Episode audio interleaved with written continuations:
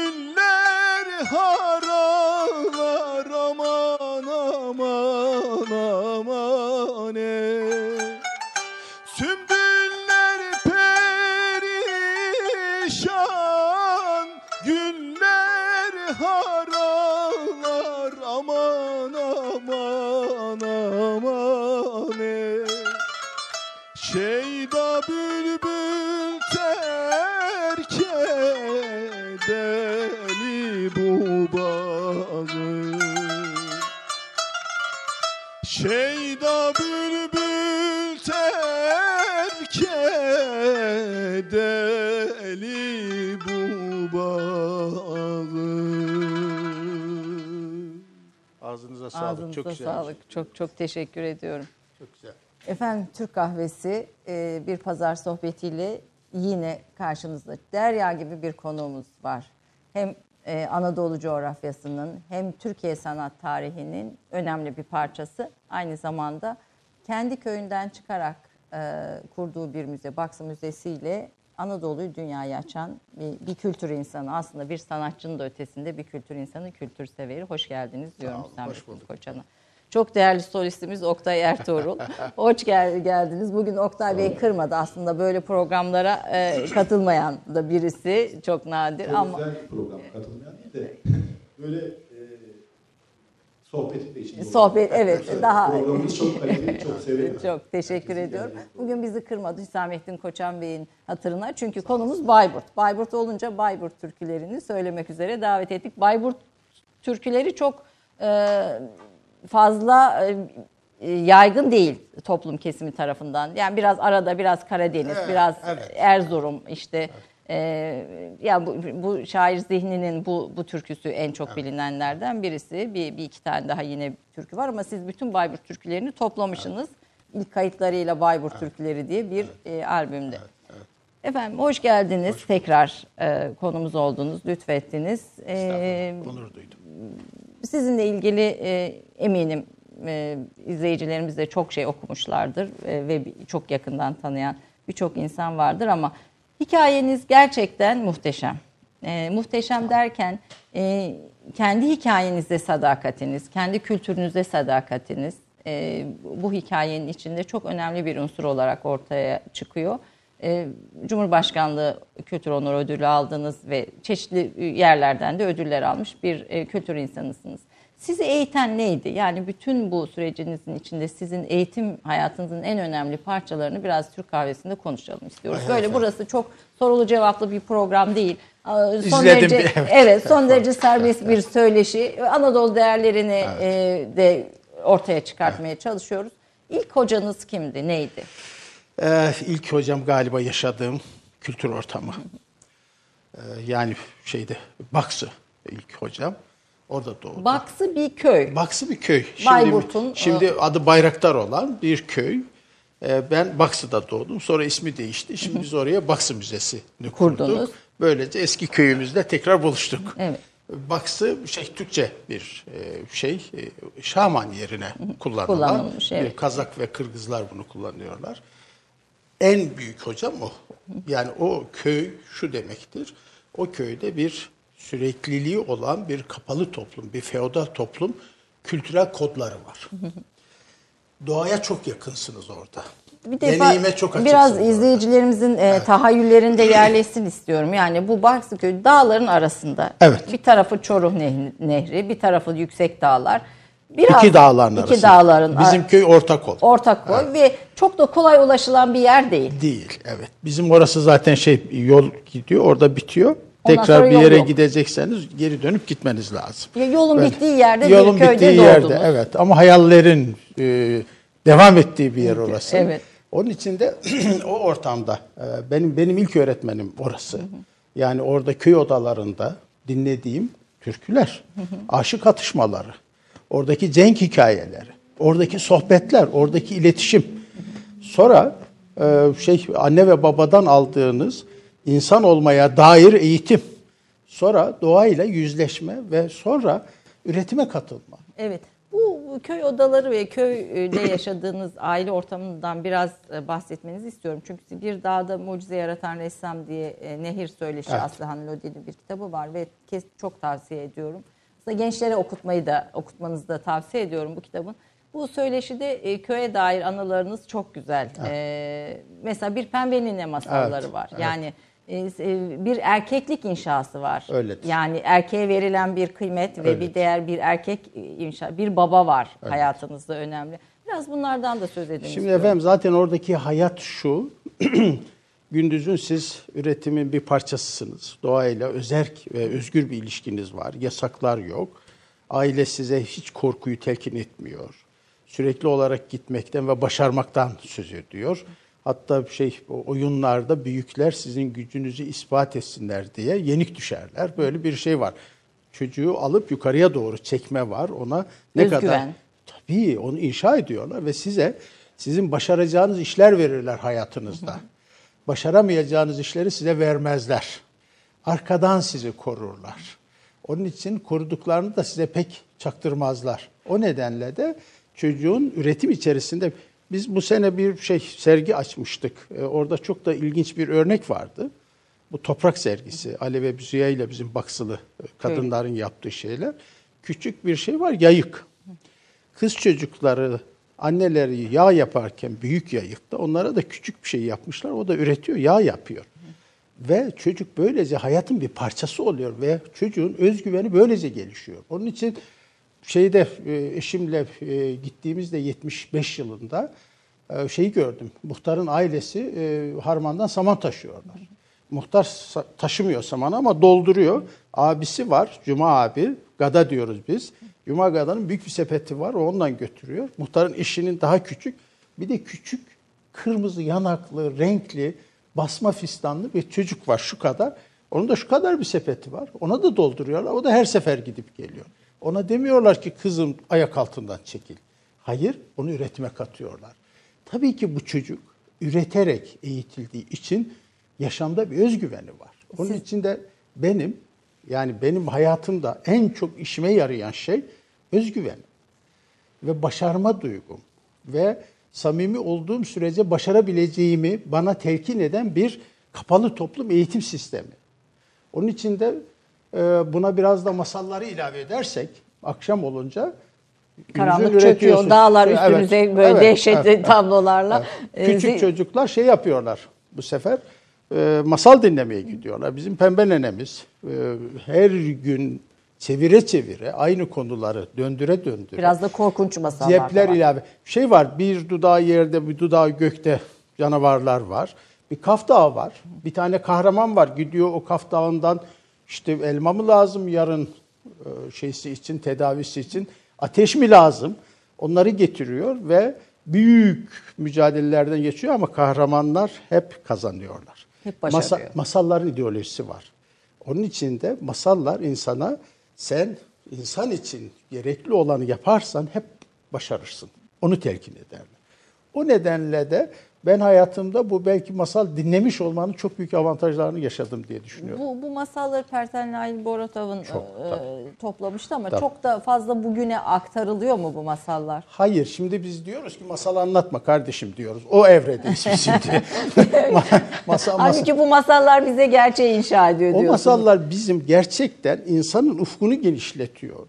Yani insana e, başarmanın insani bir değer olduğunu ve kaçınılmaz bir değer olduğunu anlatıyor masallar.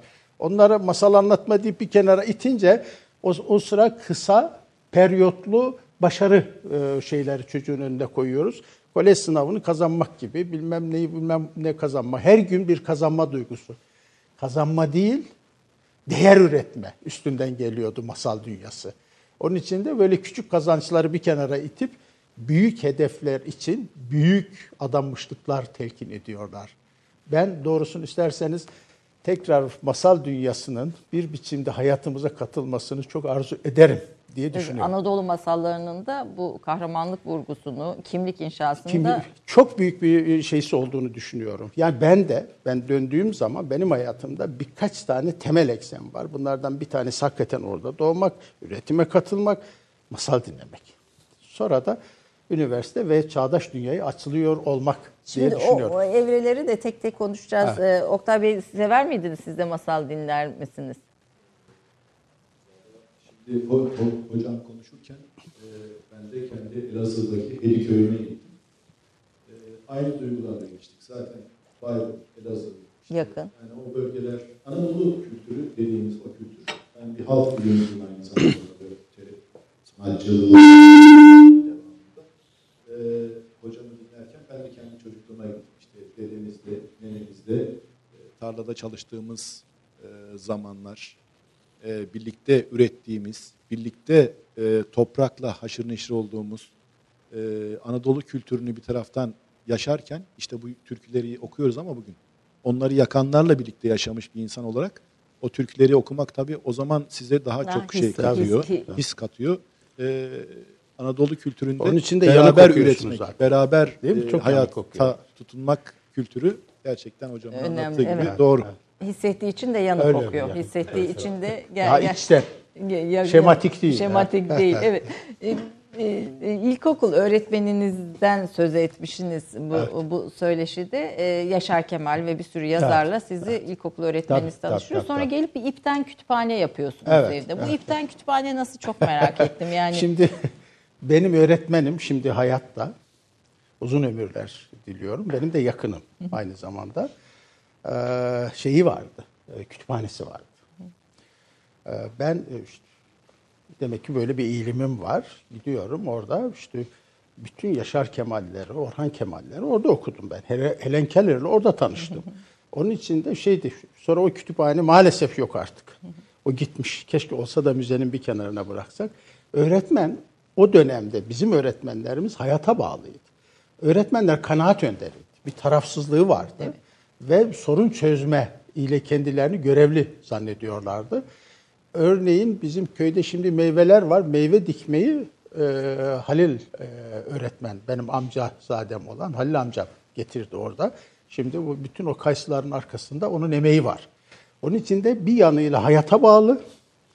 Köyün içinde. Tabii tabii tabii. Ve bu şey bir dönemler biliyorsun bu köy enstitüleriyle Evet, ilgili köylü çocuklarını götürüp eğitip getiriyorlar. Amcam onlardan bir tanesi. Sonra öteki yanıyla da kendini yenileyen, dünyasını genişleten, onun içinde okuyan kişilerdi öğretmenler. Ben o dönemde doğrusunu isterseniz e, öğretmenimden bir şey çelişkisi yaşadım. Amcam ama okula gidiyoruz. Amca yok, öğretmen var. Bir öğretmen ve amca arasında bir sıkışma olmuştu. Ama çok şey öğrendim, çok etkilendim öğretmenimden. Fakat bana hep şey vermiş, resimden ve yazıdan orta vermiş. Size O, kayırmamış. o, o, o, o konuda biraz şeyim var. Yaşar Kemal'i orada okudunuz ama sonra Yaşar Kemal'le de bir dostluğunuz oldu. Tabii Yaşar abiyle tabii ki. E, o- Tabii ki. İnce Mehmetleri falan ilk kez Yaşar abi tanımadan orada. Yaşar abiyle biz 1990'lı yıllarda çok yoğun bir ilişkimiz oldu. Ve de e, Yaşar abiyi görünce İnce Mehmet'i yaratabilmek için hangi sahici birikime sahip olmanız lazım gelir orada gördüm onu. Onun için de o içtenliği orada gördüm. O şeye hayata doğrudan bağlı olmayı orada gördüm. Onun için İnce Mehmet Yaşar abiden sonra daha çok kafamda oturdu. Otur orada kahramanlar. E, kitabın söyleşinizde e, var e, e, sizinle dostluğu e, Yaşar Kemal'in e, bir, bir iki kişi soruyor işte siz Kürt değilsiniz Hüsamettin Bey Evet. Kürt değil hani bu Bir dostluk yabancı. bir yabancı bu dostluk nasıl ilerliyor evet, diyor orada bir cevabı var. Evet. evet. E, şey ne diyor dedi. İsviçreli birisiydi o. İsviçreli Ben de- mi sordu bunu? Evet ben de. Kürtsün değil mi dedi. Yok dedim Kürt değilim dedi. Aa öyle mi dedi. Ama dedi Yaşar Kemal seni çok seviyor dedi. Ne diyor dedi. Böyle böyle dedim. Söyle ona dedi. Ben Kürdün de Türk'ün de aşırısın. şey bir cevap Evet. böyle bir. Yaşar abi şeydi. Yani Yaşar abi insan odaklı birisiydi. Ve Yaşar abi yakından tanıyınca aslında farklı bir şey büyük kültürle tanışıyorsunuz. Onu hissediyorsunuz. Yaşar abinin bu ada hikayelerini yazarken bir anımız oldu bizim. Ben o Antalya'da o bir, ara tehditler, algılar vardı. Onun için orada yazıyordu. Ada hikayelerinin büyük bir kısmı orada çıkmıştır. Sabahleyin buluşup yürüyoruz. Ben de 15-20 günde bir gidiyorum. Bir gün geç kaldım. O yazarken bir ritüelleri vardı. Ayağını buraya vuracak, sonra buraya vuracak. Öyle kendini şey yapıyor, antrene ediyor. İşte alkol kullanmıyor, sigara kullanmıyor vesaire gibi şeyler. Kampa çekilmiş gibi. Geç kalınca o yürüyüşüne başlamış. Ee, ben de mahcup oldum ama ne yapılacak bir şey yok. Ben de atladım, yüzmeye başladım. Biraz sonra geldi, çık dedi, gel dedi. Ya sen bugün biraz gerginsin, istersen falan filan. Yok yok dedi. Abi ne oldu dedim. Dedi ki dün dedi şeyleri köy, e, köylüleri kasabaya indirdim dedi. Çok güzel bir bölüm yazmış. İşte her sabah da anlatıyor bana yazdığını. Önce yazıyor, ertesi gün okuyor. Okumuş ne görsün? Çocukları köyde unutmuş. Ona canı sıkılmış. Yahu bu nasıl olur falan filan Yaşar abi bu olur gider getirirsin. Getiririm de burada bir şey var diye. Bir, bir- bir boşluk var. Bu boşluk nasıl olur diye. O bir yaşantı üretiyor orada. Evet. Ertesi gün sabahleyin karşılaştık. Hüsamettin dedi. Çocukları getirdim onlara bu Rus şekerlerinden aldım böyle. Onları sisli süslemiş. falan filan. Çok Telafi sevindiler. etmiş. Peki affettiler mi? Ay barıştın. Ne diyorsun? Hiçbir şey demediler. Çok mutlular çocuklar diye. Orada tabii o konsantrasyonun, o içtenliğin ne kadar derine işleyebileceğini çok rahat görüyorsun. Yaşıyor, ya- Evet, yaşayarak. yani büyük bir, bir- büyük bir birikim. Evet, Öyle büyük bir birikim gerçekten Tabii, tabii. sizin için de hepimiz için de. Efendim köy, köye tekrar Evet. dönelim. Ee, köyün bir eğitici tarafı var diyorsunuz. Ee, Bu köy odalarının bir eğitici Evet. tarafı var. Ailelerin eğitici var. Biraz o hem köy odalarından hem ailenizin feodal yapısından o fe- feodalliğin eğitici tarafından söz eder misiniz? Şimdi ben e, köy odaları yani belki geri dönünce de onlarla bağlantı da kuracağız. Ben bir süre köyden uzak kaldığımda işte en sonunda gittik babamla birlikte gidince ben köy odalarının ortadan kalktığını gördüm ve o sıra köy odalarının bu toplum için ne kadar önemli olduğunu ve onların olmamasına ne kadar yazık olduğunu gördüm. Çünkü köy odalarına gidiyorsunuz. Köy odalarında aşıklar atışır. Reyhani gelir, Sümmani gelir. Bunlar atışırlar ve bu bir ritüeldir. Günlerce süren bir şeydir. Onun etrafında şakalaşmalar olur. İşte Hicrani babayı biraz yakın buldukları için işte sabahleyin yatağına bir keçi yavrusu korlar. İşte Reyhani o kadar onu bağladı ki bir keçi yavrusu bir gıdık doğurdu diye böyle espriler yürür. Şeydir orada yani bir e, doğrusunu isterseniz bir destansı da boyutu var. Bir sürreal bir boyutu da var. Onu son derece besleyen, eğlendiren ve umut veren bir yanı var. Ayrıca o köyde köyün bütün sorunları tartışılır. İşte cenk hikayeleri okunur, birisi başka bir şey anlatır. Hadi sen bir türkü söyle der. Çocuğa orada hiyerarşi vardır köy odasında. En küçüğe derler ki oğlum sen git Cindilli'den bir su getir de içelim. İsimler Eskiler- de çok e, Tabii, tabii, karizmatik. şey. Cindilli, Evet, evet, evet. ondan sonra Katırboğan, Katırboğan. Boğan falan, Katırboğan Deresi Evet, falan evet, gibi evet. isimler Onun de çok için değişik. Bunlar şeyler ve şeydir yani orada suyun da bir tadı var demek ki. Yani biz şimdi su, su içerken suya su muamelesi yapıyoruz. Orada başka bir muamele yapıyor. Cindilli'nin suyu başka, Ahiran'ın suyu başka bir şey. Onun için de orada bir sürekliliği var. Ve konakların başka iyi bir yanı şudur. Konakta her öğün yemek yenir. Onun sorumlusu kimse işte kahvaltı yapacaksa gider önceden e, köy meydanına Tanrı misafiri var mı? Ona bakar. Varsa misafir getirir. Onunla birlikte kahvaltısını yapar. Varsa öğle yemeği, varsa akşam yemeği sonunda nöbetini bitirir götürür kiminse ona teslim eder. Misafiri yatırır ondan sonra gider. Onun için de aynı zamanda köy odaları şeyin köyün dışa açılan kalbi. Sosyalleşme. Sosyalleşme alanı. Orada ağırlıyor. Onlara sahip çıkıyor. Onları daha iyi hissetmesi için elinden gelen. Onun, onun için de bizim köy odaları kültür merkezleridir. Ben bunların kaybolup gitmesine çok doğrusunu isterseniz üzülmüşümdür. Onlarla birlikte aşıklar da gitti. Onlarla birlikte konuk ağırlama da gitti. Ne oldu? Bir televizyon geldi girdi oraya. Siyah beyaz televizyon. Ben gittiğimde o vardı. Herkes küçük bir odaya koymuş televizyonu. Orada Kimball Wimble diye böyle bir takım şeyler var. Onları izliyorlar. Şimdi ve toplum birbirinin yüzüne bakarken, birbirinden anlam üreteceğine umut edip onu dinlerken bu sefer o noktaya bakmaya başladılar. Ve orada bence geleneği de, insanı da, iletişimi de yavaş yavaş yitiriyoruz tehlikesiyle yüz yüze kaldığımızı gördüm. Şimdi önlerine bakıyorlar telefonlarla. sosyal Evet, bu geliyorlar hemen şeyde başlıyorlar. Evet, Evet, evet. Başka bir sorun, başka başka, ba- bir süreç. Başka bir başka bir yabancılaşma. başka bir sorun. Ee, Babanızın hayatınızdaki yeri neydi? Benim babamın tabii ki hayatımdaki, benim hayatımdaki en önemli yer babama aittir. Ama babam bu son yaptıklarımı göremedi. Onun için de babamın, e, babam bir gurbetçi. Babam 1938'de e, şey Erzincan Çetinkaya yolu yapılırken biraz şey üvey anne nedeniyle gurbete kaçıyor. Evet. Bizimkiler sorunlar çözülmedi mi gurbete, Gurbete kaçıyorlar. ka- Gu- evet. Gurbet bir hesaplaşma alanı. Giderim, kaçarım vesaire diye. Özellikle de bu istediği kızı almadılar mı Hemen delikanlılar hemen kaçarlar. Gurbete kaçma delikanlılığın dağa çıkma meselesi. Raconu. şey. Evet, racon. Ondan sonra babam da öyle gidiyor. ben kalktığımda babam bir gurbetçiydi. Babam iki ya da üç yılda bir gelirdi. Şimdi bizim Baksı Müzesi'nin olduğu yerde abimle ben kar yağınca çıkar babayı beklerdik. Oradan Ged diye bir şey var. Bir e, şehirden gelen gözükür orada bir tepe. Oradan gelen herkese baba diye koşardık. Baba da her sene gelmezdi vallahi. İşte iki üç yılda bir gelirdi ama muhteşem gelirdi. Muhteşem hediyelerle gelirdi. Muhteşem bir sevgiyle gelirdi. Muhteşem bir kucaklaşmayla gelirdi. Onun için baba uzakta bir ideal gibi dururdu. Ve baba çocuklarının bütün istediklerini de yerine getirmek isteyen bir babaydı. Yani otorite değil, onları anlamaya ve onları yönlendirmeye çalışan bir baba.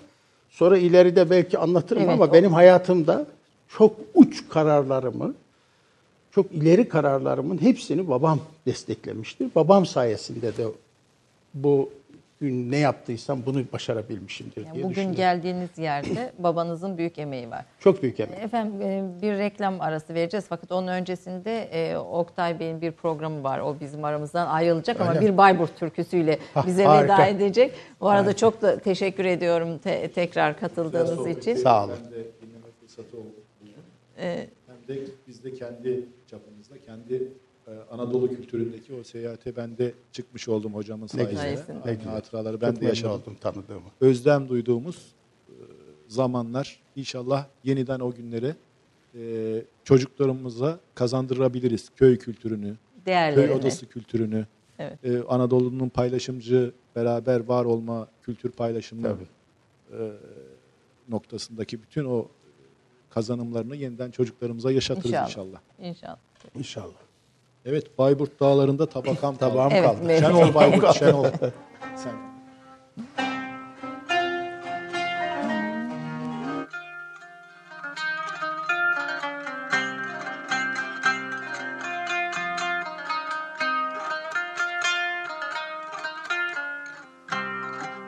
Bayburt dağlarında tabakam kaldı Bayburt dağlarında tabakam kaldı. Şenol Bayburt, Şenol senden em kaldı. Şenol Bayburt, Şenol senden em kaldı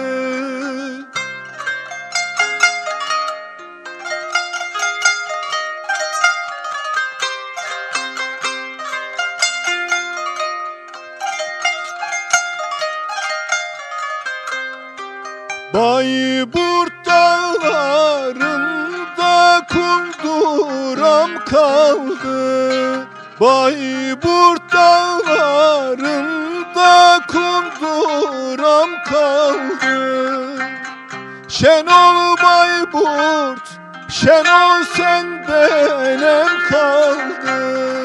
Şenol Bayburt, Şenol senden em kaldı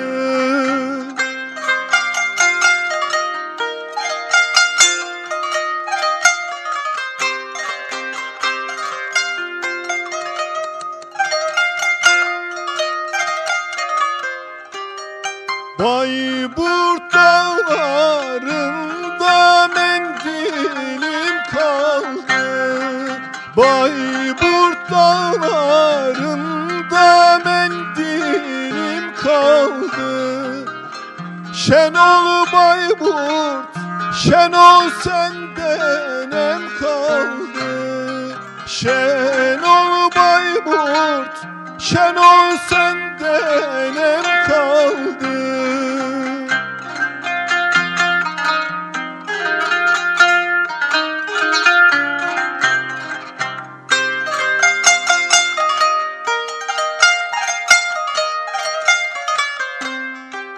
Bayburt dağlarında tabancam kaldı. Bayburt dağlarında tabakam kaldı. Şenol Bayburt, Şenol senden kaldı. Şenol Bayburt, Şenol sende nem kaldı. Bir dakika reklam arası.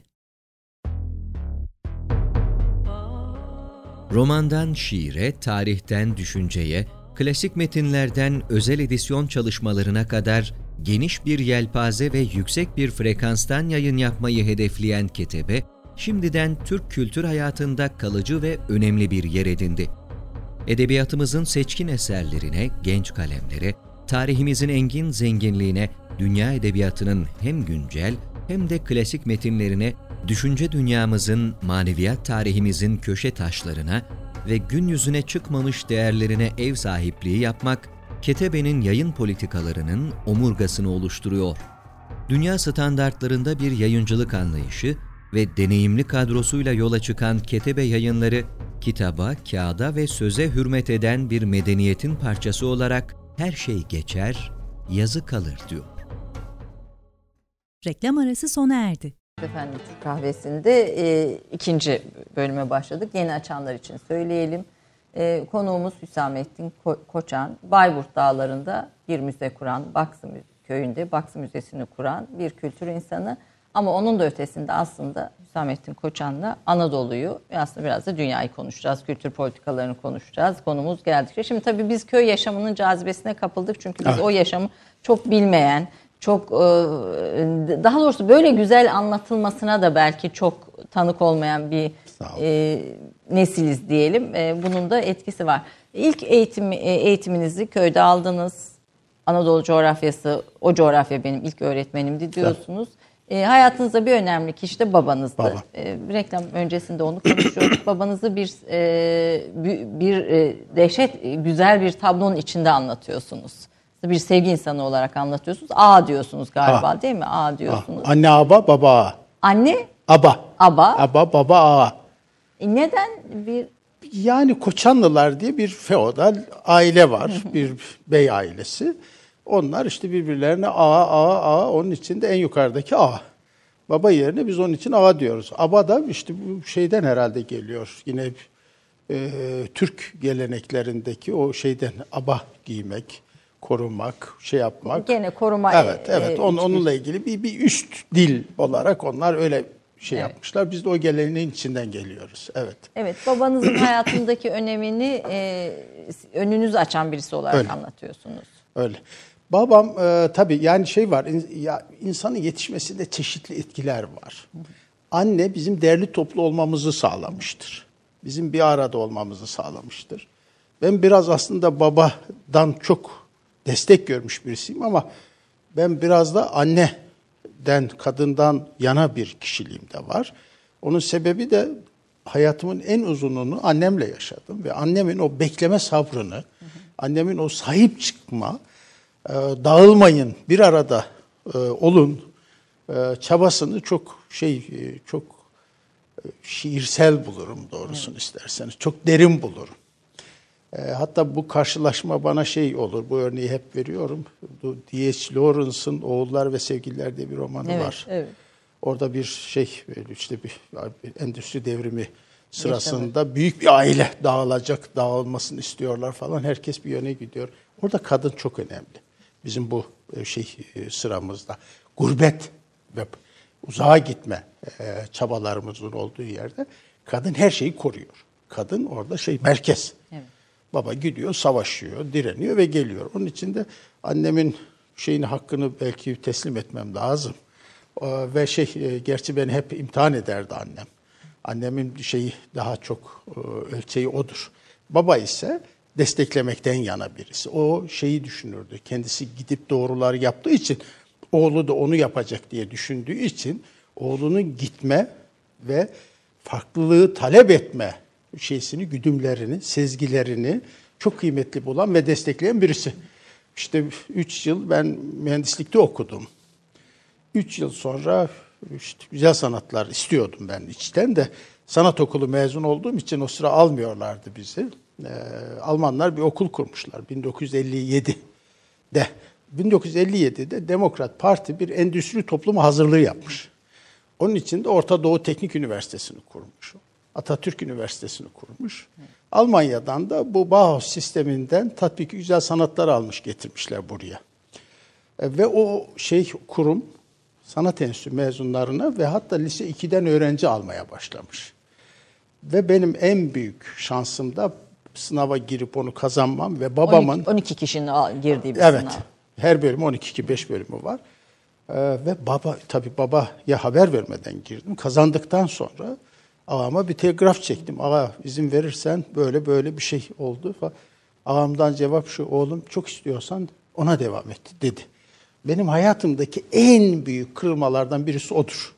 Yoksa ben mühendis olacaktım. Abim oldu nitekim.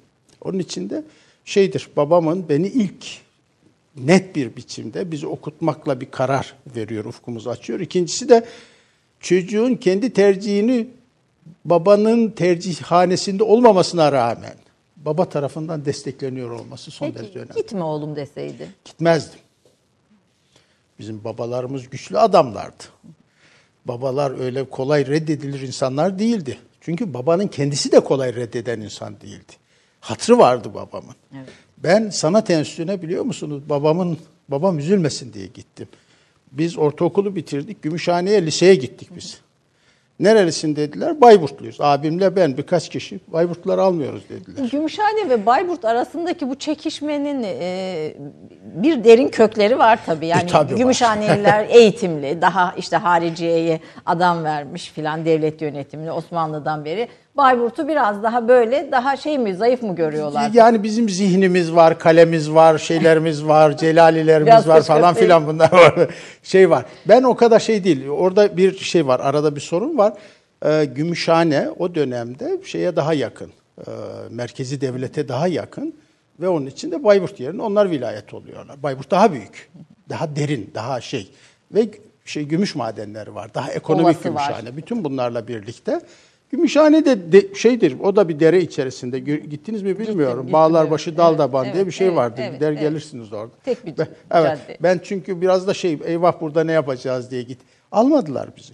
Bayburtlu Liseye. değil, siz Gümüşhane evet. Lisesi'ni Niye almadılar. biliyor musunuz? Çünkü Bayburt'ta sanat okulu açılmış. Almayın ki buradaki sanat okuluna öğrenci olsunlar. Biz döndük. Bizim sanat enstitüsünün adını koymuşlar. Amele Koleji. Amele Koleji. Evet. Abim ben Amele Koleji'nde okumam dedi. Gitti. Ben babam çok üzülür diye Amele Koleji'nde okumaya başladı. Babanızın hatırına. Tabii tabii tabii tabii tabii. Babamın hatrı çok çok çok büyüktü. Çünkü hakikaten şeyi veren, kendisi hep veren bir adam. Hep seni anlamaya çalışan birisi. E senin de onu anlama çaban olsun e, şeysinden, bağlamından. Onun için baba e, üzülmesin diye gittim. Sonra en sonunda da orayı bitirince gelip bu yeni hayata başlama sürecinde de babam da bunun karşılığını bana verdi. Evet. Mühendis olsun istiyordu. Ben mühendis olmayayım da buraya gideyim dediğim zaman buyur oğlum git dedi. Onun için de babam benim sezgilerimi e, çok değerli buldu. İkinci büyük şeysi babamın. Ben e, tatbiki güzel sanatlara gidince benim entelektüel dünyam genişledi.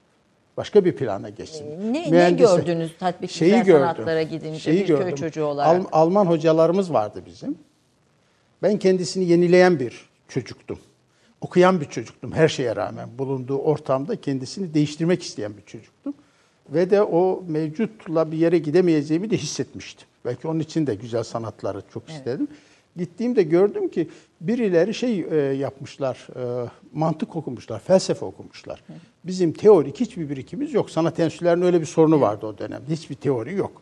Türkçe dersi vardı. İşte orada da yani çok kısıtlı bazı şeyler öğretiliyordu ya da öğretilmiyordu. Ee, o eksiğimi görünce birinci yılın sonunda eksiğim olan kitapları aldım geldim okudum. Annem de Kaç biraz kitaptır bunlar? bunlar 8 9 10 tane kitap. Kitap. Ne var aralarında mesela? Yani o dönem daha düşünce hayatına şey yapan bir şey e, e, inanç dünyasını e, tartışan kitaplar, Kitaplar. vardı. Şey e, e, şey e, sol Engels vardı, Marx vardı. Böyle bayağı Tabii, uç kitaplar vardı. O dönemde ilgili, çok da şeydi bunlar. Romanlar vardı birkaç tane temel e, romanlar vardı. Bunları gelip annem görünce benim elimde, oğlum sınıfı geçti mi geçtim. Annemin rolü orada devreye giriyor. Ama ertesi gün ben ipten bir kütüphane yapıp okumaya başlayınca annemde bir şey panik başladı. Çocuk yalan söylemez ama galiba sınıfı geçmemiş. Ders Bu kadar çalışıyor. okuyorsa. Okumakla ders çalışma arasındaki Evet, bir şey. Ben onları okuyunca o sene geri döndüm. Birdenbire farklı birisi olarak geri döndüm. Ve ben şey e, ondan sonra benim biraz şeyde ilişkim de değişti fakültede. O sıra yüksek okuldu e, okulda. E, spor yapıyorduk, voleybol oynuyordum. Spor kolu başkanıydım. Bana dediler sen akıllı bir adamsın gel seni genel sekreter yapalım. Ben o sene sonunda cemiyet başkanı seçildim. Yani şey de değişti, ilişkiler değişti, konumum değişti. İlk gittiğimde bir sene kantine gitmedim. Çünkü kantinde kızlar vardı. Kızların yanında biz rahat edemeyiz Anadolulular. Çünkü kızlarla beraber okumamışızdır. Onun için kendimizin sakınma ihtiyacımız vardı. Sonra zaman içerisinde baktık ki bu kadar korkacak bir şey de yok. Şimdi bir kısa e, siz de özgeçmişini aslında bu akademik çünkü bir akademi insanısınız. Evet. E, güzel sanatlarda 9 yıl dekanlık yapmış da bir, birisiniz ve çok kıymetli bir döneminiz var. Biraz o dönemi ve yaptıklarınızı vurgulayan bir kısa özgeçmişinize gireceğim Evet. ama onun öncesinde anılarınızı okurken dikkatimi çeken bir şey var. Bir modelle çalışılıyor güzel Evet, sanatlarda evet, bildiğiniz evet, gibi. Sizin bir ilk modelle karşılaşmanız ve Alman hocanızın sizi e, anlayışla karşılaması Karşılama. duru var. Öyle. E, Ve e, Cuma günü e, Evet, onu anlatayım onu size. Evet, lütfen. Ramazan'da. Ramazan. Şimdi konuşacak Evet, mıyız evet, sorusu? şimdi. Şimdi efendim bizim hocalarımız Almandı. Ee, bizim e, Türk e, hocalarımız da sonradan hoca olan kişiler Türk Ee, şey var, e, işte bu çıplak model dersine gittik, bir içeri girdik, bir kadın çırılçıplak. Ben ne yapacağımı şaşırdım. Öğretmenden utanıyorum. Kızlar kaçıyorlar, maçıyorlar. Öyle bir çizmişim ki omuzları bedeninden daha geniş.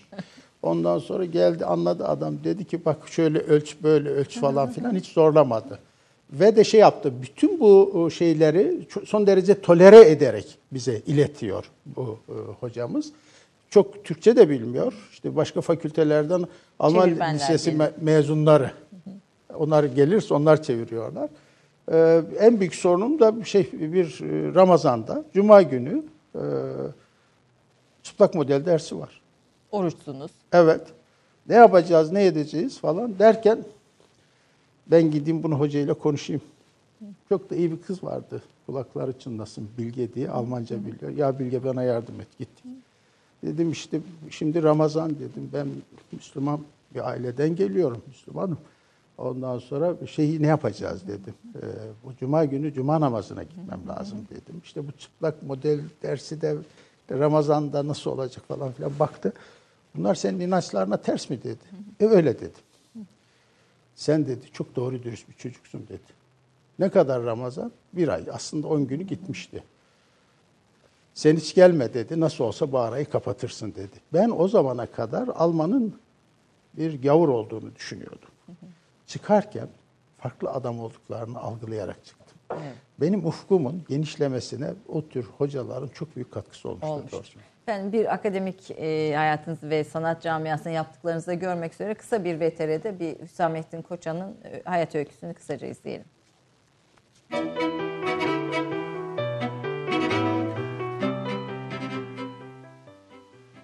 Hüsamettin Koçan 1946 yılında Bayburt'ta bir dağ köyünde doğdu. Ortaokul birinci sınıfı çizdiği kan dolaşımı ödeviyle geçebildi. Bu çizim onun hayatını değiştirdi. Babasının isteğiyle bir dönem mühendislik okusa da Almanların kurduğu Devlet Tatbiki Güzel Sanatlar Yüksekokulu resim bölümünden mezun oldu. Köyünden çıkan ilk üniversite mezunuydu. Marmara Üniversitesi Güzel Sanatlar Fakültesinde uzun yıllar öğretim üyesi olarak görev yaptı. 1997-2005 yılları arasında fakültenin dekanlığını üstlendi. Uluslararası Plastik Sanatçılar Derneği'nin kurucuları ve yöneticileri arasında yer aldı. 1991'de İstanbul Sanat Fuarı'nı kurdu. Aynı yıl 2. Asya Avrupa Bienalinde Türkiye komiseri oldu. Avusturya Salzburg Şehir Onur Ödülü ve Asya Sanat Bienali Resim Büyük Ödülüne sahip oldu. Pek çok yarışmanın seçici kurulunda yer aldı. Sayısız kişisel sergi gerçekleştirdi ve karma sergilere katıldı. Anadolu'nun kültürel zenginliğini eserlerine yansıttı. Eserleriyle sanat çevrelerinde kültürel bir hafıza yenilenmesine vesile oldu. Gelenek modern etrafında dönen tartışmalara başka bir bakış geliştirdi. 2005 yılında doğduğu köye dünyanın tanıdığı bir ressam ve kültür adamı olarak döndü. Tüm birikimini vakfettiği Baksı Müzesi'ne hayat verdi. Köy halkı müzeyi önce Rusya'yı gözetlemek için kurulmuş bir üs zannetti. Ancak o bu müzeyle Bayburt'un kapılarını dünyaya açtı. 2014 yılında Avrupa Konseyi Müzecilik Ödülünü aldı. Hüsamettin Koçan bugün kişisel çalışmalarının ve vakfıyla birlikte yürüttüğü müzeciliğin yanı sıra köydeki çocuklara, özellikle kız çocuklarına eğitim desteği veriyor. Hüsamettin Koçan memleket sevgisini, Anadolu'nun değerlerini Baksı Müzesi'nde yaşatıyor. Tüm dünyayı Bayburt'tan 45 kilometre uzaktaki köyüne davet ediyor. Muhteşem bir davet. Güzel olmuş. Öyle mi? Çok teşekkür, teşekkür ediyorum yönetmenimize. Te- teşekkürlerimizi iletelim. Ee, evet bir akademik hayatınız başladı. Evet. Ondan sonra sanat hayatınız Evet. başladı. Ve yani bu buraya kadar giden bir yola girmiş Evet. oldunuz. Bir makas değiştirdiniz Evet. hayatınızda. Evet. Şimdi tabii bu e, akademik dünyada e, olmak e, benim daha da olgunlaşmamı doğrusunu isterseniz. Yani ben öğrencilerime hep şunu söylüyorum. Deneyimlerinizi çoğaltın diyorum. E, ama bir tane de güzergahınız olsun, bir yolunuz olsun. Onu kaybetmeden farklı yan yollar oluşturabilirsiniz. Yan kalar öyle öylece daha dallı budaklı, daha köklü olursunuz. Ama bunu diye. yaparken hep insanın kendisine sadakatini önemsiyorsunuz ve Çok bütün konuşmalarınızda bu var. Evet, Kendiniz kendisine, toprağına, ülkesine sadakatini önemsiyorsunuz. Bu kendi kendi öyküsü olan insanlar hayata bir şey katabilirler. Kendi olmayanların hayata bir şey katma şansları yoktur. Ve şunu da söylerim öğrencilerime. Bu dünyadaki en açık insanoğlu bilgisini kendi hayatınızdan alırsınız. Çünkü siz kendi dünyanızda neleri yaşadığınızı, hangi fırtınaların üstünü örttüğünüzü, hangi korkuları yok saymaya çalıştığınızı, hangi plan onun için kendinize bakın ve kendi öykünüzü hiç unutmayın. Ama öykünüzü de tekrar etmeyin derim. Çünkü hayat yenilenen bir şeydir. Hayatın malzemeleri kendisini yeniliyor. Hayat akan bir şey.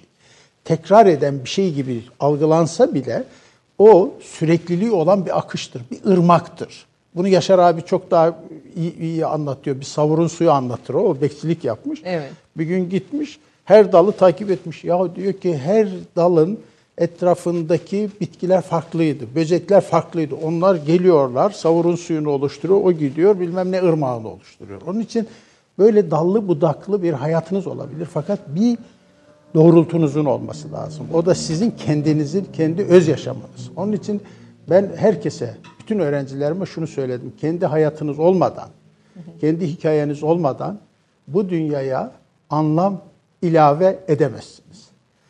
Ancak taklit edebilirsiniz. Taklitler de yaşamı zenginleştirmeye yetmez. Evet. Onun için ben bunu bir düstur olarak kendi hayatıma ilave ettim. Hem hayatımı hatırlamak istiyorum hem de hayatımı yenilemek istiyorum. Çünkü ben geleceğe karşı sorumlu bir bireyim de aynı zamanda. O gelecekle bugünün, geçmişin bağını kurmak zorundayız diye düşünüyorum. Bir süreklilikte tabii Evet. bu- bir, devamlılık içinde gidiyor. Akademik hayatınız ve daha sonraki dönemde e, bir de e, evlilik seri hikayeniz var. Bir e, Evlilik, Oya Hanım evet, hayatınızda çok önemli birisi. Hayatınızı Öyle. okuyan herkes de görür. E, aileniz nasıl kabul etti Oya Hanım'ı? Ben tabii Oya ile evliliğim akademi, akademik hayatımdan önce beni e, asistanlık sınavını almadılar. Çünkü biz işte öğrenci liderliği yaptığımız için okulu okulu arada bir iş bir tarafta da örgütçüsünüz. Tabii, bir sürü tabii, ör- tabii, akademisyenler Tabii, birliğinden tabii, tutun tabii, da bir tabii, sürü tabii, örgütlenmenin Sivil de toplum başındasınız. kuruluşlarında evet sivil bir Türkiye istedim ben hep. Hala istiyorum. Sivil alanın oluşmasını istiyorum. Onun için çok da önemli Evet. e, geliyor bana doğrusunu isterseniz. E, biz Oya ile ben e, 3. sınıftayken tanıştım. Yani biz 50 yıl öncesi tanıştık. Evet. Ondan sonra ve e, şey asistan olacaktım ben E, ve evlenecektik. Sonra idare beni çaktırdı İngilizceden. Aslında benim İngilizcem iyi değildi ama İngilizce Çakacak kadar da değildi diyorsunuz. öte, hiç bilmeyenleri kazandırdılar, beni çaktılar. Sebebi e, orada bir lider istemiyorlar. O sıra öğrenci de sahip çıktı. Böyle işte boykotlar, boykotlar. Bakanlık tekrar yeniden bir sınav yaptı. Tekrar çaktırdılar. Ben zorunlu olarak askere gittim. Döndüm, geldim. İşte profesyonel olarak duvar resimleri yaptık falan filan. Ve evlendik biz o arada. Daha sonra ben, Ben İngiliz... e, zarifçe doğa resimleri yaptım diyor Hüsamettin Koçan ve o evlendiği dönemde tabii geçim için boya badana dahi Tabii, tabii, hepsini e, yaparak. Tabii, hayatını tabii. kazanmış Tabii, bir tabii, e, tabii, sanatçıdır. tabii, Hani tabii. bunun Öyle, da öyle, burada öyle. e, Öyle o kadar çizelim. kolay olmadı o işler. Yani Hatta ben öyle- size söyleyeyim. Biz ilk evlendiğimizde bir bodrum katta yaşıyoruz. Eşim gece ben çalışınca korkuyor. Arkadaşlarım gelip ona eşlik ediyorlardı. Ben ge- gece yarısı geliyordum. Onun için bizim hayatımız öyle kolay bir hayat değil. Biz biz savaştık. Biz mücadele verdik. Evet. Yani o bizim köylülerin o destansı yürüyüşünü bir başka bir biçimde ben de o Devam yolu yürüdüm, devam ettirdim ve belki şanslarım oldu. İyi insanlarla karşılaştım, iyi hocalarla karşılaştım ve belki sezgilerim bana çok büyük bir avantaj sağladılar diye düşünüyorum. Onun için sezgiyi de çok önemsiyorum Evet. bu arada. Onu söylemem lazım. Sonra işte şey e, yani Oya ile evlenmemiz zaten bir şey e, oldu. Biraz e, hafif çalkantılı oldu. Çünkü farklı bir kültürden birisini gelip işte feodal bir kültürün içerisine monte etmek. Onunla o bağlantıyı kurmak, o geçişkenliği sağlayabilmek. Ee, işte tanışınca babam nasıl olacak falan filan deyince abimle karşılaştım. Abim Oya'yı görünce reddetti doğrusunu isterseniz. giysisi vesairesi Evet itibariyle yani köye şey, uymuyordu. bizim tipolojiye uymuyor. uymuyordu. Tabii Evet. Anadolu, O- muhafazakar Evet, Anadolu evet, evet, kültürüne evet, uymuyor. evet. Ben de babama gidip bunu anlatmak istedim. Annem çok kızdı bu işi. Fakat babam her zamanki büyük toleransıyla beni teşvik etti. Anlattım babama. Dinledi. Bunların hiçbirisi Yanlış şeyler değil dedi. Bunların hiçbirisinin ahlakla da ilgisi yok oğlum dedi. Bunlar kültürel şeyler. Bu iyi bir insan mı dedi. İyi insan ağa dedim. İyi o zaman iyidir dedi. Sen yanlış karar vermezsin. Bizi yalnız geri çevirmesinler oğlum dedi. Ben de babamı çevrilecek bir yere göndermezdim. Ve mesela Oya'yla evlenme dese evlenmeyecek. Ben onu diyecektim. Yani babanız deseydi ki o, o yağıyla Hayır. evlenmeyin. e, o Hayır. kadar Tabii. babanızın sizde Tabii tabii var. ben baktım zaten ilişkim ben ciddiye gidiyor. Onun için babamın iznini almasam devam edemezdim. Bu bir kişilik sorunu gibi gözükebilir. Kendi kararını veremeyen birisi gibi gözükebilir ama hiç öyle bir şey değil. Öyle gelmedi bana. Evet. E, Şimdi bir, bir süremiz de biraz azalıyor. Biraz müzeyde geçeceğim ama onun öncesinde 9 yıllık bir dekanlık döneminiz var. Ee, Marmara Üniversitesi Güzel Sanatlar'da. Ee, ilgi, onunla ilgili hazırlanmış bir kitap da var. Bir dekanın e, 3072 günü diye. Vallahi çok çok hoş buldum. Orada şoförünüzün bir sözü var. Şoförünüz sizi e, devlet adına çalışan en büyük adamdır olarak tanımlıyor.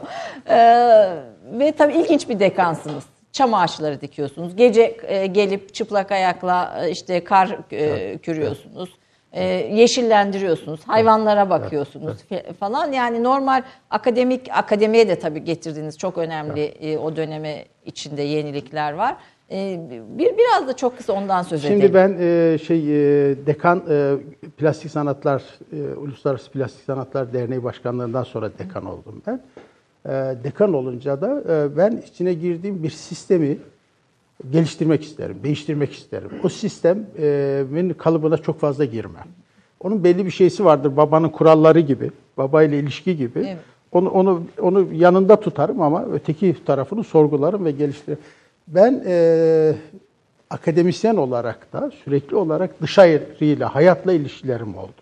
Onun için benim yaşam tecrübemi doğrusunu isterseniz akademik dünyaya kazandırmak istedim dekan olarak. Ve de baktım her şey böyle bir devlet para vermiyor, şartlar kötü, şunlar kötü, bunlar kötü. Aradım, taradım. O sıra bir YÖK korkusu da var bizde. YÖK engeller falan filan. Ben danışma kurulları kurdum bölümler için. YÖK engellemiyordu çünkü. Ondan sonra özel sektörden tekstil bölümüne önemli tekstilcileri aldım. Tekstil alanındaki dernekleri aldım. Modacıları aldım. İşte resim bölümüne yazarları, küratörler, şunları bunları aldım. Her bölüm için, 12 bölüm için 12 tane danışma kurulu kurdum. Böylece bizim bütün ihtiyaçlarımızı karşıladılar. Bu bir şey akademik dünya için bir değişimdi. Canlanma oldu. Evet, Avustralya'dan bir grup öğretim üyesi geldi. Bunlar daha önce gelmişler. Birdenbire fakülteyi görünce çok şaşırdılar. Sonra beni Wollongong Üniversitesi'ne davet ettiler. Gel bu değişimi bize anlat, nasıl olabiliyor bu diye. Yaptığımız şey şudur. Daha iyi bir akademik ortam nasıl yaratabiliriz? Bu akademik ortam için hangi riskleri alabiliriz? Bunun için çam çam dikmek de var Çam bahçenin. çam- çevre- Köpeklere su Tabii vermek ki de var. yani o çevrede bir yaşam üretemezseniz siz yaşamdan zaten kork- koparsınız. Onun için ben her gittiğim bir yerde bizim Feridun Bey güzel de söylemiş. Hayvanlara bakarım. Hakikaten o köpekleri köpekleri beslerim. Bir şey e, öykümü anlatayım kısa. Biz sigara içmeyen bir bölüm oluşturduk. Sigara içiyorlar. İçilmez işareti koyduk. Yine içiyorlar. Büyüttük. Yine içiyorlar. Büyüttük. Yine içiyorlar. İçiyorlar. Bunlar da bizim akademisyenler yapıyor. En sonunda ne yaptık biliyor musun? Çiçek koyduk. Biraz azaldı. Sonunda bir kafeste kuşlar koyduk. Deneysel çalışıyorsunuz. Evet. Ve kuşlar nedeniyle kuşlar zehirlenir diye ötekiler bu sigara içenlere müdahale etmeye başladılar ve sigara içmeyi böylece sonuçlandırmış oldu. Muhteşem bir örnek ama yani hani yasa yasağın bile nasıl e, yasak demeyelim de yani Tabii, tabii. e, ortamın bile Şeye, nasıl e, düzenleneceğine Ay- Ay- ilişkin. Ayşe Hanım şeye hep inandım. İkna etmediğiniz sürece insanı o insanla iletişim, sağlıklı üretim yapamazsınız.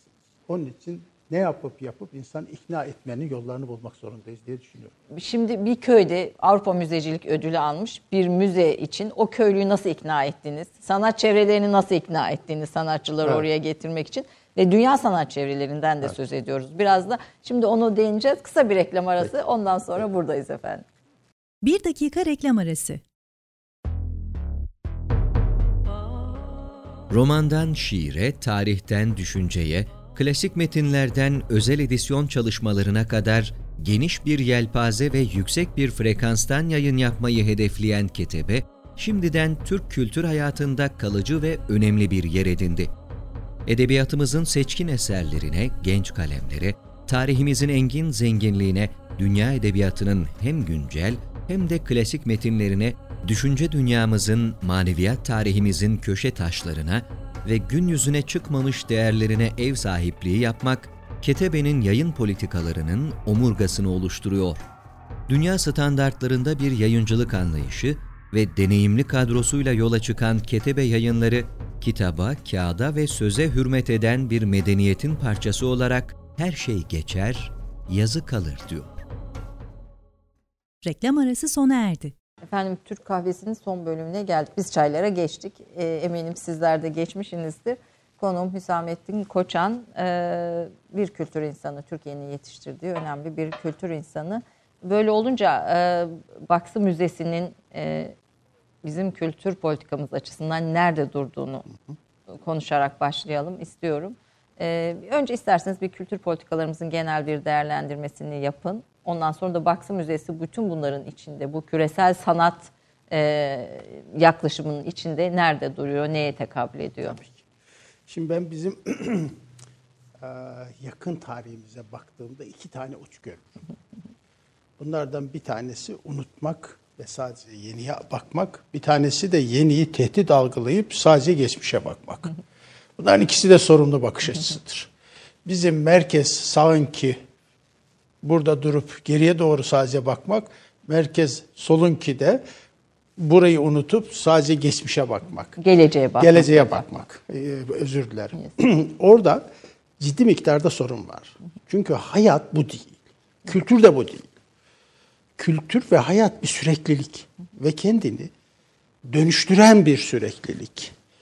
Eğer bir kültür sürekliliğini kaybetmişse, bizim mimarlık odur mesela. Büyük kentlerimizdeki karşımıza, kentlerimizde karşımıza çıkan odur. Şey gitmiş, eski teknoloji gitmiş, yerine yeni teknoloji gelmiş. Yeni teknolojiyi kullananlar o kadar teknolojinin cazibesine kapılıyorlar ki ve onunla birlikte tabii ki ranta da o kadar kapılıyorlar ki eskiden ne vardı ne yoktu hiç kimsenin umurunda değil. Şimdi Anadolu'ya doğru gidiyoruz. Bizim Anadolu insanımız muhafazakar. Anadolu'da ben muhafazakar kentler yani muhafaza edilmiş kültür ögeleri görmüyorum. Şu son zamanlarda biraz acaba bunu korusak mı diye bir fikir oluştu ama etrafı tamamen kuşatılmış vaziyette. Onun için de bizim bu kültür anlayışımızı bu teknolojik yenilik istilasına karşı ve belki biraz da rant, biraz değil epeyce ranta karşı biz neredeyiz? Hangi mirasın sahibiyiz? Hangi mirası geleceğe aktaracağız? Ve o mirastan yola çıkarak ne yapabiliriz? Şimdi Baksı aslında tamamen de budur. Ne yaptık biz bu, bu Baksı Müzesi'ni kurarken? Kardeşimle birlikte başladık bunun projelerini çizmeye. O böyle tamamen tepeye ters bir şey yapmak istiyor. Böyle gayet sert, brüt beton bir binalar bütünü yapmak istiyor. Hayır dedim, bu çıkışını buradan alacak. Ama yeni olacak.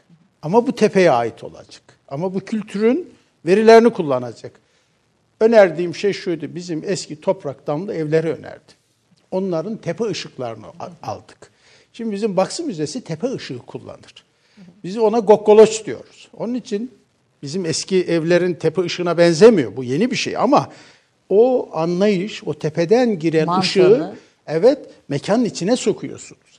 Arkadan toprağa bağlıdır bizim evlerimiz. Çünkü harmanda ürettiğini getirip bacadan atacak mekan anlayışı oydu. Onun için biz artık onu bir yerden atacak halimiz yok ama hiç olmasa ışığı oradan almaya devam edelim. Doğrudan uzayla bir bağlantı kuralım istedik. Onun için de Baksı bulunduğu bölge mimarlığını hatırlayan ama aynı zamanda Yeni onu yenileyen bir yapı içerisinde gelişiyor. Şimdi bizim Bayburt'taki yapılaşma için ben hep işte önermişimdir, öneriyorum da. Bayburt türkülerini yaparken de şimdi bunu yaptık. Ayrıca Bayburt türküleri epeyce de zengin bir şey oluşturuyor. O bölge içerisinde. oluşturuyor, evet. Evet, sorunu şu. Bugüne kadar o müzikle çok fazla yakın ve samimi ilişki kurulmamış, araştırılmamış. Şimdi Baksı bunu yapıyor. Bir de kitap yayınlayacağız biz. Önümüzdeki yıllarda bizim şeydeki sanat alanımızda, şair zihni sanat alanında e, günümüz sanatçılarına bunları yorumlatacağız biz. Günümüz sanatı eğer elini sürer, oradan çağcıl bir sonuç çıkarabilirse müzik devam eder. Orada konserler de veriyorsunuz. Veriyoruz, Vakfı tabii, Müzesi'nde. Bu konserlere kim geliyor? Gelen oluyor mu? şaşırtıcı bir şey. Bizim orası 500-700 kişi sıka basa alabilir. Bizim ilk konserimize 1750 kişi geldi. Bizim evin bacalarına çıktılar bunlar. Onun içinde şey var. Çevrede sanata büyük bir ilgi var. Öyle zannedildiği gibi değil. Yani oraya kim gelir diyorlar ya. Hiç öyle bir şey yok. Biz bayramlarda 500 kişi, 600 kişi geliyor oraya. Bizim e, büyük etkinliklerimizde biz bazen yetiştiremiyoruz mekanı ve servisi. Onun için orada büyük bir açlık var. Sorun şu. Oraya bunu götürmüyoruz biz. Oradaki altyapıyı oluşturmuyoruz biz.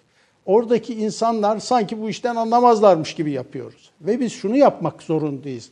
Buradaki birikimlerle, çağcıl birikimlerle oradaki yerel birikimler arasında bağlantı kurmamız lazım. Size küçük bir şey anlatayım. Bir kolejimiz bizim oraya gelip gidiyor. Bir baktım bizim çocuklara tepeden bakıyorlar. Hocalarla- çocuklara. Evet. Bizimkiler de saftır. Öyle bir büyük bir içtenlikle onlara şey servis yapacaklar diye Evet. şey sorgulamazlar biz ne durumdayız diye. Hocalarıyla konuştum. Dedi ki hocam bunlardan ne öğrenecekler bunlar dedi. Köy Ya bunların başka tecrübeleri var hocam dedim. Ama ben buna izin veremem dedim. Kusura bakmayın ben burayı onun için yapmadım. Sizinkiler gelecek bizimkileri yönetecek. Yönetmeyi öğrenecekler. Bizimkiler de yönetilmeyi öğrenecek. Olmaz dedim. Bu eşit değil. Hoca biraz kafasında soru işareti bizimkiler ne yaptılar biliyor musun? Bunlar dönerken sabahleyin erkenden dağlara gidiyorlar. Çiçek topluyorlar. Bunların gidecekleri asfaltın üstüne tek tek çiçeklerle bunların isimlerini yazıyorlar. Muhteşem bir şey. Bu müthiş bir derinliktir. Evet. Hocaya dedim ki Gördünüz bunu bizimkilerden öğrenebilirler dedim.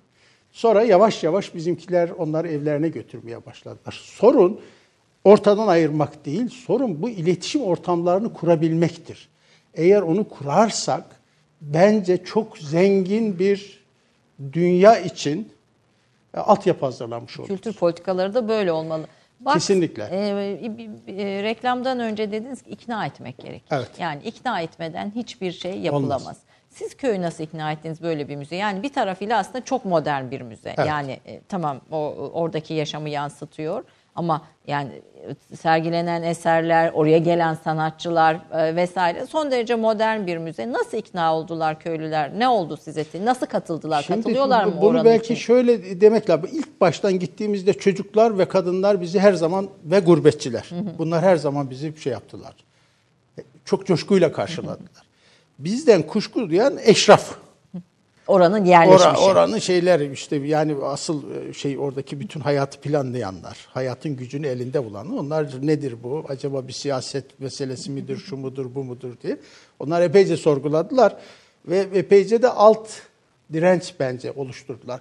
Açıktan herhangi bir e, sorunla biz karşılaşmadık ama o böyle küçük bürokrasiyle falan ufak tefek şeyler karşımıza çıktı. Ama kadınlar ve çocuklar her zaman ve gurbetçiler her zaman coşkuyla karşıladılar onu. Kaç yıl sürdü inşaat ve Biz 2000'de kazmayı vurduk. 2000'de Evet. müze ortaya çıktığında 2010'da müzeyi, ana binayı açtık. 2014'te Avrupa Müzecilik Ödülü aldınız. 2014'te Avrupa Müzeciliği ödülü, 2015'te Büyük Millet Meclisi bana onur ödülü Evet, verdi bundan dolayı. 2017'de Kültür Bakanlığı kurum özel ödülü verildi. Ee, ve de e, artık şey e, bizim e, o eşraf da bizi çok seviyor.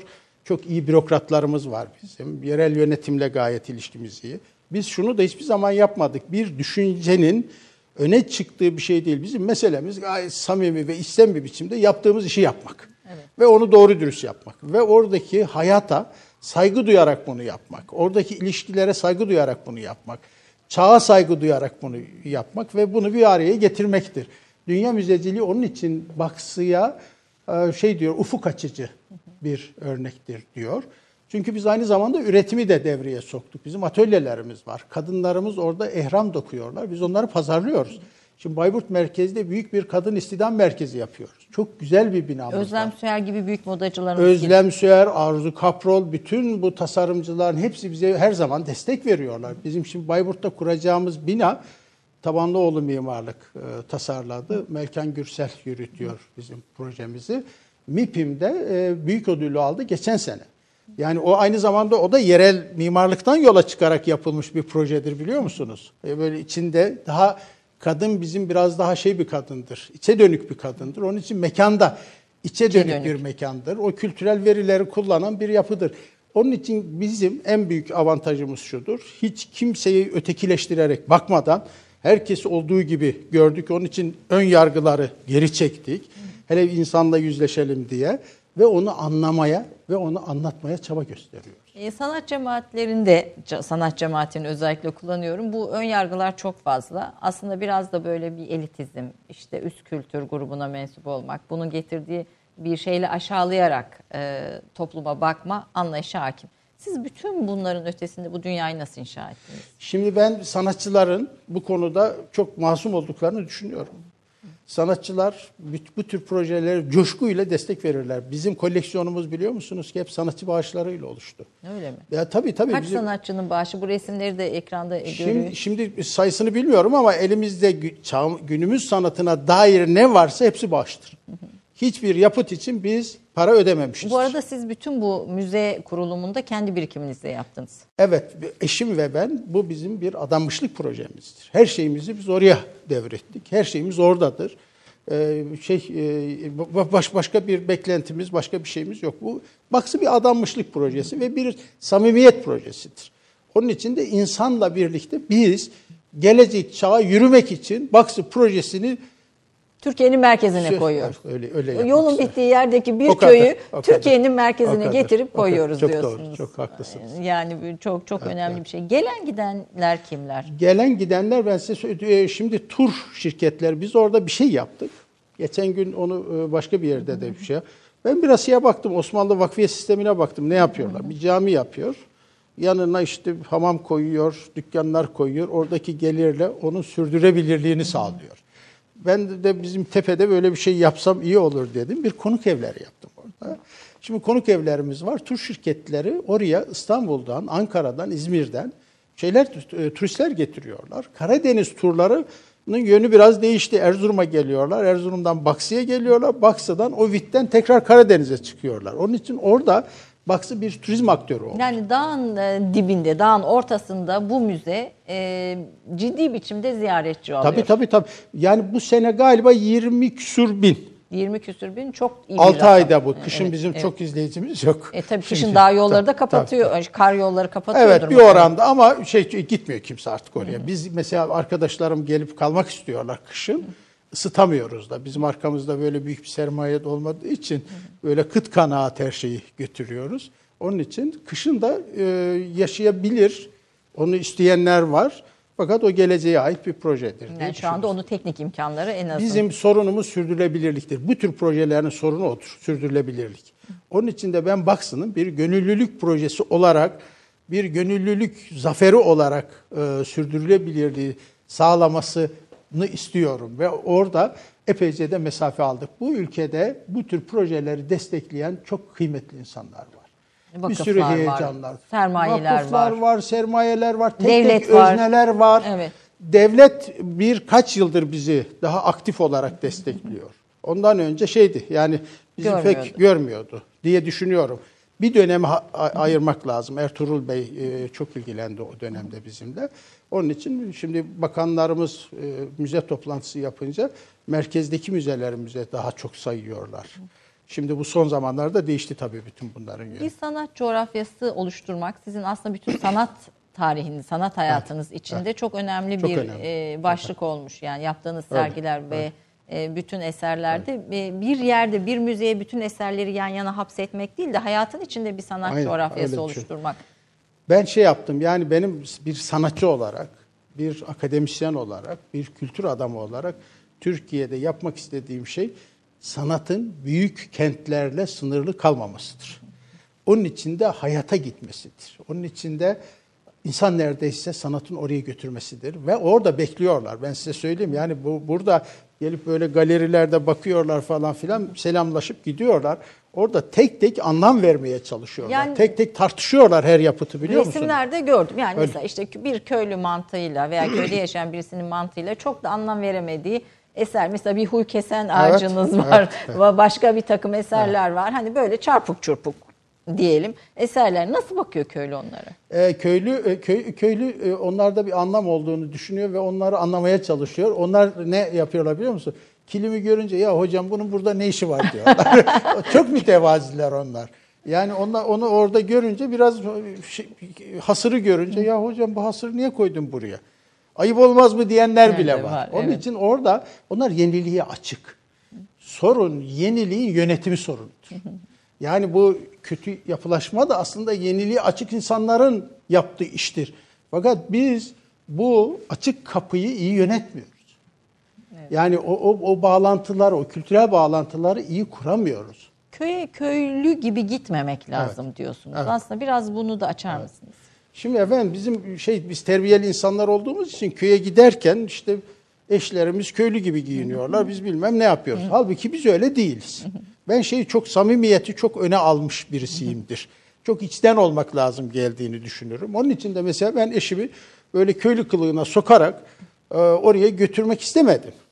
Yani eşimin utanılabilecek kılığının mılığının bir tarafı yoktu. Onun bir kültürel nedenleri vardı ve o, o, o gerçekle onlar karşılaşsınlar. Benim bir çok e, korktuğumuz, çekindiğimiz bir amcam vardı. Mustafa amcam. Herkes ondan biraz çekinir. Teyzem bana Bayburt'ta dedi ki peki Emine ne diyeceksin dedi. Amcaya ne diyeceksin? Amca, evet. Yani bu, Emi bu gelini biz. böyle Evet, evet, baş açık Evet, filan evet. O muhtemelen. Emin ne yaptı biliyor musunuz? Geldi tanıştı. O baktı ki o farklı masum birisi. Ertesi gün tarladan bir şey almış ona hediye getiriyor. Hem de şarkı söyleye söyleye getiriyor. Onu hemen farklı bir yere koyuyorlar. Bütün mesele bu içten Samimiyet. geçişkenliği sağlamak meselesidir. Yoksa sizin rol yaptığınızı görünce size inanmıyorlar sizi temiz, düzgün olduğunuz yerde gör- görürlerse size bir hak veriyorlar. Onlar köylülerin aslında çok şey böyle siyasetçi miyasetçi onları kışkırtması öyle ön yargılar yok. Onlar çok ufku geniş insanlar. Tabii şimdi köyde de çok az insan kaldı. Köyler terk edildi neredeyse Evet. Ee, ve kö, köylü de şehre geçti. Bunu da oluşturduğu çeşitli sorunlar var. Kesin, Çeşitli kesin. E, problemler var. Bir tür e, kö- köyün şehre taşınması da var. Hani bir, bir, Doğru. bir noktada Doğru. e, bu, bu konuya nasıl yaklaşıyorsunuz? Şimdi efendim tabii bu sosyal erozyonu durdurmak lazım. O köyde yaşamayı bir keyif haline getirmek lazım. Şimdi son yıllarda biz niye Bayburt'ta kadın istihdam merkezi yapıyoruz? Eskiden bizim gelin istemeye gittiklerinde babası eğer gönüllüyse peki ağabeyisine hangi tabancayı alacaksınız derdi. Öyle mi? Evet öyleydi. Bizim oralarda öyleydi. Lagant mı Barabellum mu alacaksınız derlerdi eskiden. Şimdi ne diyorlar biliyor musunuz? Peki bu çocuğun şehirde evi var mı? Şehirde olmayı hala istiyorlar. Çünkü şehir daha hareketli, daha dinamik. Fakat onlara şehirde bir yaşamda üretmiyoruz. Bir biçimde üretmiyoruz. Bunu eşim keşfetti. Ee, şehirde bizim o pırıl pırıl genç kızlarımız gidiyor. 3 ay iyi. 3 ay sonra sıkılıyorlar. Şimdi biz o kadın istihdam merkezini yaparak onları şeye çekmek istiyoruz. Üretime katmak istiyoruz. Fakat tabii ekonomiye kadın, katmak kadın istiyoruz. istihdam merkezine yüksek hedefli Alev Ebu Züya geliyor bir Evet. taraftan. Evet, O, o, o cam seramik yapıyor Evet. ve o kadınlarla birlikte o da Tabii, çalışıyor işte. E, mü- müzikte Bülent Ortaçgil Evet. destekçiniz bir sürü. Tabii Erkan Oğur Erkan- geliyor, şu geliyor, bu. Yani hani or, oraya bir şeyi götürüyorsunuz. Bir kaliteyi, bir niteliği götürüyorsunuz. Öyle. Şey yapmıyoruz mesela. Popülizm yapmıyoruz. Her şey en kaliteli olacak. En üst düzeyde olacak. Erdal Erzincan geldi oraya. Ya bayıldılar. O da bayıldı. Lütfen bir dahaki sene ben davet edin buraya. Buranın büyüsü var dediler. Ya bizim orada bekliyorlar. insanlar gelsinler ve kendileri olarak gelsinler buraya bekliyorlar. Ben bizim insanların yargılayan ön yargılarının çok yüksek olduğunu görmedim. Ya ben onun için de orada selamun aleyküm dediğin andan itibaren sana açık bir kapıları var. Bakın bizim Bayburt'ta şu çok önemlidir. Bu televizyonlarda bu son zamanlarda görüyoruz da kadına, çocuğa ve özürlüye hiç kimse dokunamaz. Şimdi ben bazen televizyonda görüyorum o şey Suriyeli kadınları tedirgin ediyorlar. Vallahi Bayburt'ta buna izin vermezler. Çocuğun hırpalanmasına izin vermezler, özürlünün hırpalanmasına izin. Kapıyı gidin vurun, içeri girin size dünyanın en saygın insanı muamelesi yaparlar. Bunlar çok değerli şeyler. Evet çok biraz göç çok az bir vak- vaktim kaldı aslında konuğumuz bir derya yani bir derya olunca böyle bir kısıtlı bir sürenin içinde bir sürü şeyi konuşmak da istiyorum. Çok önemli e, bulduğum başlıklar da var. E, göç meselesine bir bakışınız var sizin. Evet. Mültecilik ve göç meselesine ve bugün bunu çok da e, kullanıyoruz. E, Evet. Şimdi bu şey var. Bu yani bu göç meselesi bizde çok çatallandı. Yani eskiden kolaydı işler. Göç göçerler göçerlerdi. Değil mi? Bu Batılıların nomad dedikleri bizim işte göçerlerimiz de var. Onlar kentlerin çeperlerinde dolaşırlardı, dağlarda. da. Şimdi ne oldu? Gurbet diye bir şey başladı. İnsanlar oraya gitmeye başladılar. Ve de şimdi mesela geç- geçen sene, evvelki sene bir şey yaptık. Bizim köydeki her beş kişiden biri köyde yaşıyor. Ötekiler dünyanın her tarafına yayılmışlar. Orada bir yabancılaşma sorunu başlıyor. Orada bir kaybolma sorunu Ve bir başlıyor. yalnızlık. Tabii yalnızlık başlıyor. Orada, yani onun için de ben sanatın bu yeni, bu, bu- bunlar Kaf Dağı'na giden adamlar. O yalnızlığı odur. Masalsıdır bunlar. kahraman olarak dönmeliler ama. Dönmeliler evet ve döndürmenin yollarını bulmak lazım hayat.